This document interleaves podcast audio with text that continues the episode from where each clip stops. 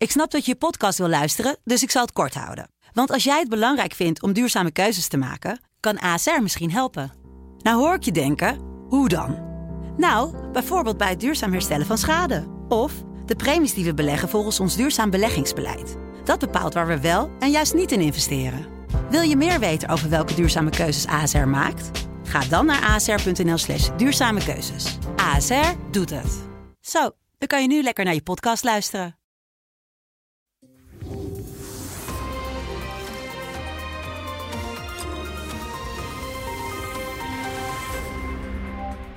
Welkom bij het gesprek met Paul Jansen, de hoofdredacteur van de Telegraaf, waarmee we elke week bespreken wat hem bezighoudt in het nieuws. Paul, ja, Schiphol. Het is, uh, de timing is uh, fantastisch geweest. Half Nederland, de regio Midden gaat als eerste op vakantie over een kleine drie weken. En dan uh, wordt er besloten om 25% te schrappen. Ja, regio Midden, hier, hier, hier staat hij. Oké. Okay. dus, nou, wil je eerst even met een persoonlijke Persoon, te beginnen? Persoonlijke observatie. Nee, maar kijk, ik denk dat heel veel, heel veel mensen, natuurlijk na twee jaar corona, eindelijk dachten we kunnen weer op vakantie. En dan hangt dit uh, boven het hoofd. Uh, het, is, het, is, vooral nog heel veel onduidelijk. En um, ja, het is wel zaak dat dat, dat, dat snel duidelijk wordt. Hè? Uh, als je een pakketreis hebt, ja, dan kan je nog een beetje achteroverleunen. Ja. Want dan is de reisorganisatie verantwoordelijk om te zorgen dat het allemaal goed komt.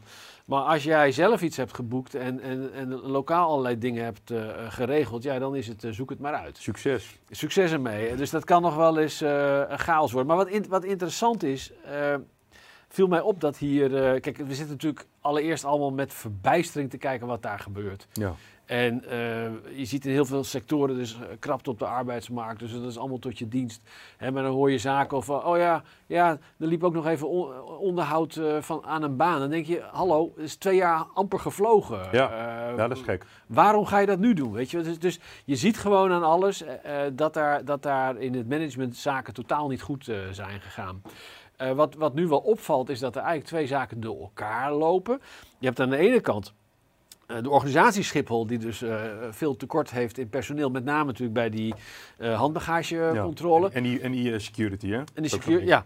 En, en vervolgens kwam deze week het kabinet er nog eens overheen. Die zei, ja, maar wij gaan bovendien voor de langere termijn 10% dus structureel terug. En dat heeft weer te maken met uh, stikstof en geluidsoverlast. Ja. En toen dacht ik wel even... Huh? Er werd een, uh, werd wij horen een tweetrapsraket kwam er even. Ja, dat, het lijkt... Wij horen toch al, al, al vele jaren, horen wij elke keer weer dat er uh, A, uh, veel geklaagd wordt door omwonenden van Schiphol over overlast. Dat het kabinet op de een of andere manier toch uh, met, met allerlei aanpassingen in meetmethodes elke keer groei mogelijk blijft. Ja. En nu in één keer gaat, gaat daar ook het mes in. Nog, kost nog eens 10% van, van het aantal vluchten dat van Schiphol vertrekt. En ja, ik, ik kan me niet aan de indruk onttrekken dat het kabinet en het ministerie uh, gebruik hebben gemaakt van de, van de gelegenheid door, door dat nu ja. in het kielzog uh, door te drukken.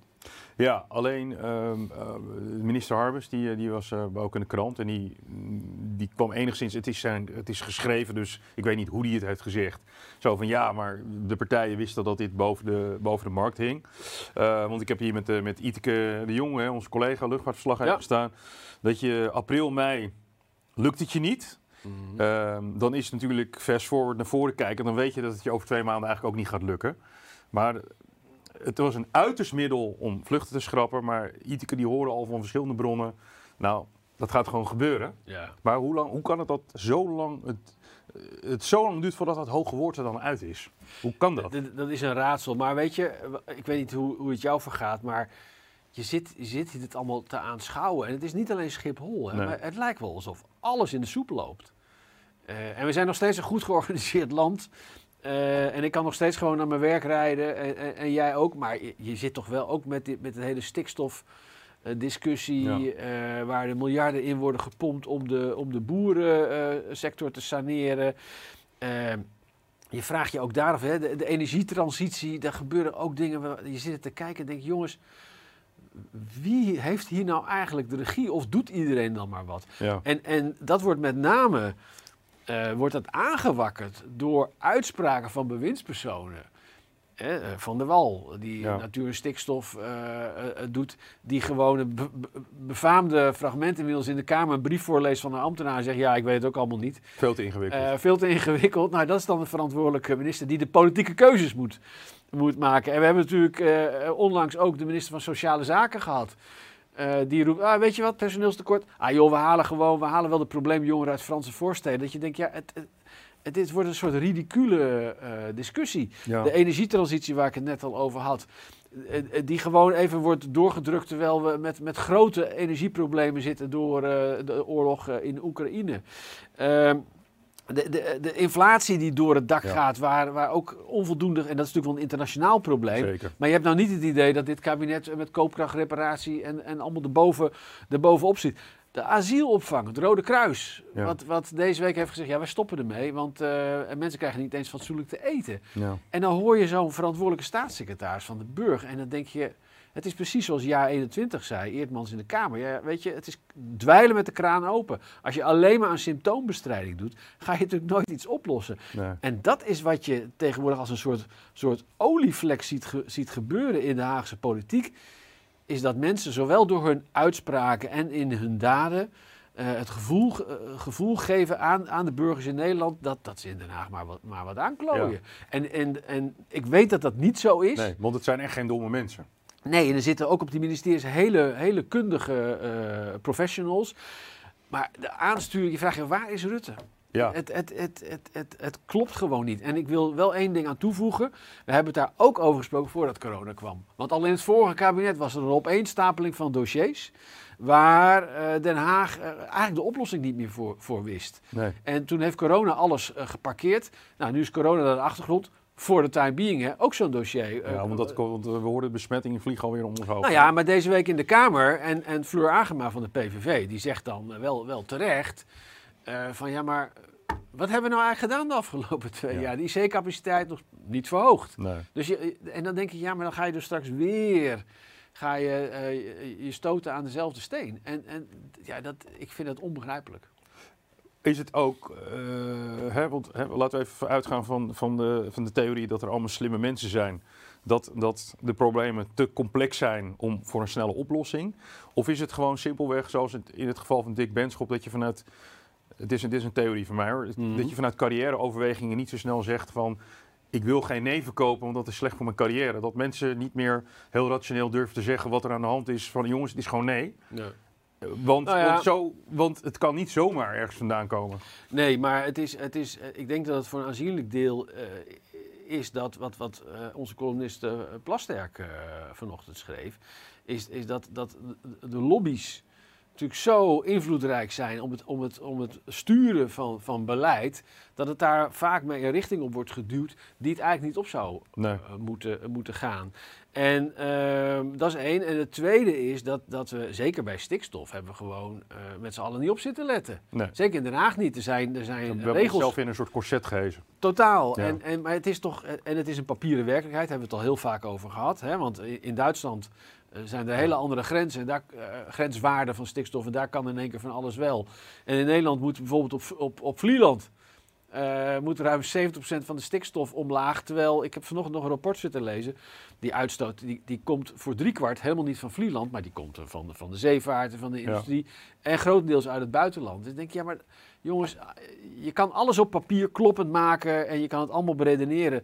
Maar als, je, als jij eh, een, een, een beleid hebt wat erop neerkomt dat je de, de samenleving gaat vertellen dat Vlieland een heel groot stikstofprobleem heeft, terwijl het voor het gros uit het buitenland komt. En de grootste stikstofvervuiler op Vlieland, als ik het goed heb gelezen, schijnt eh, eh, de, de lokale pony en de hond te zijn. Dan denk je, ja maar jongens, dat- dat- een kind kan dan toch nagaan dat hij iets helemaal niet klopt. Nee. En eh, daar komen we, en zeker in Den Haag, komen we daar niet meer uit. En je ziet dat op vele terreinen zie je terugkomen dat Nederland zich heeft klem geschaakt, is vastgelopen.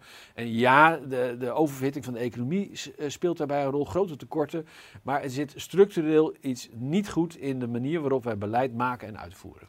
We hebben eh, Kok gehad, echt een beetje, een beetje, een, beetje een streng, hè, Lubbers, een strenge dossiervreter, was wel Ja. premier, maar kenden ze dossiers. We hebben Kok gehad, Van Balken en de Weet, dat zijn jouw jaren geweest, weet ik het eigenlijk niet zo goed.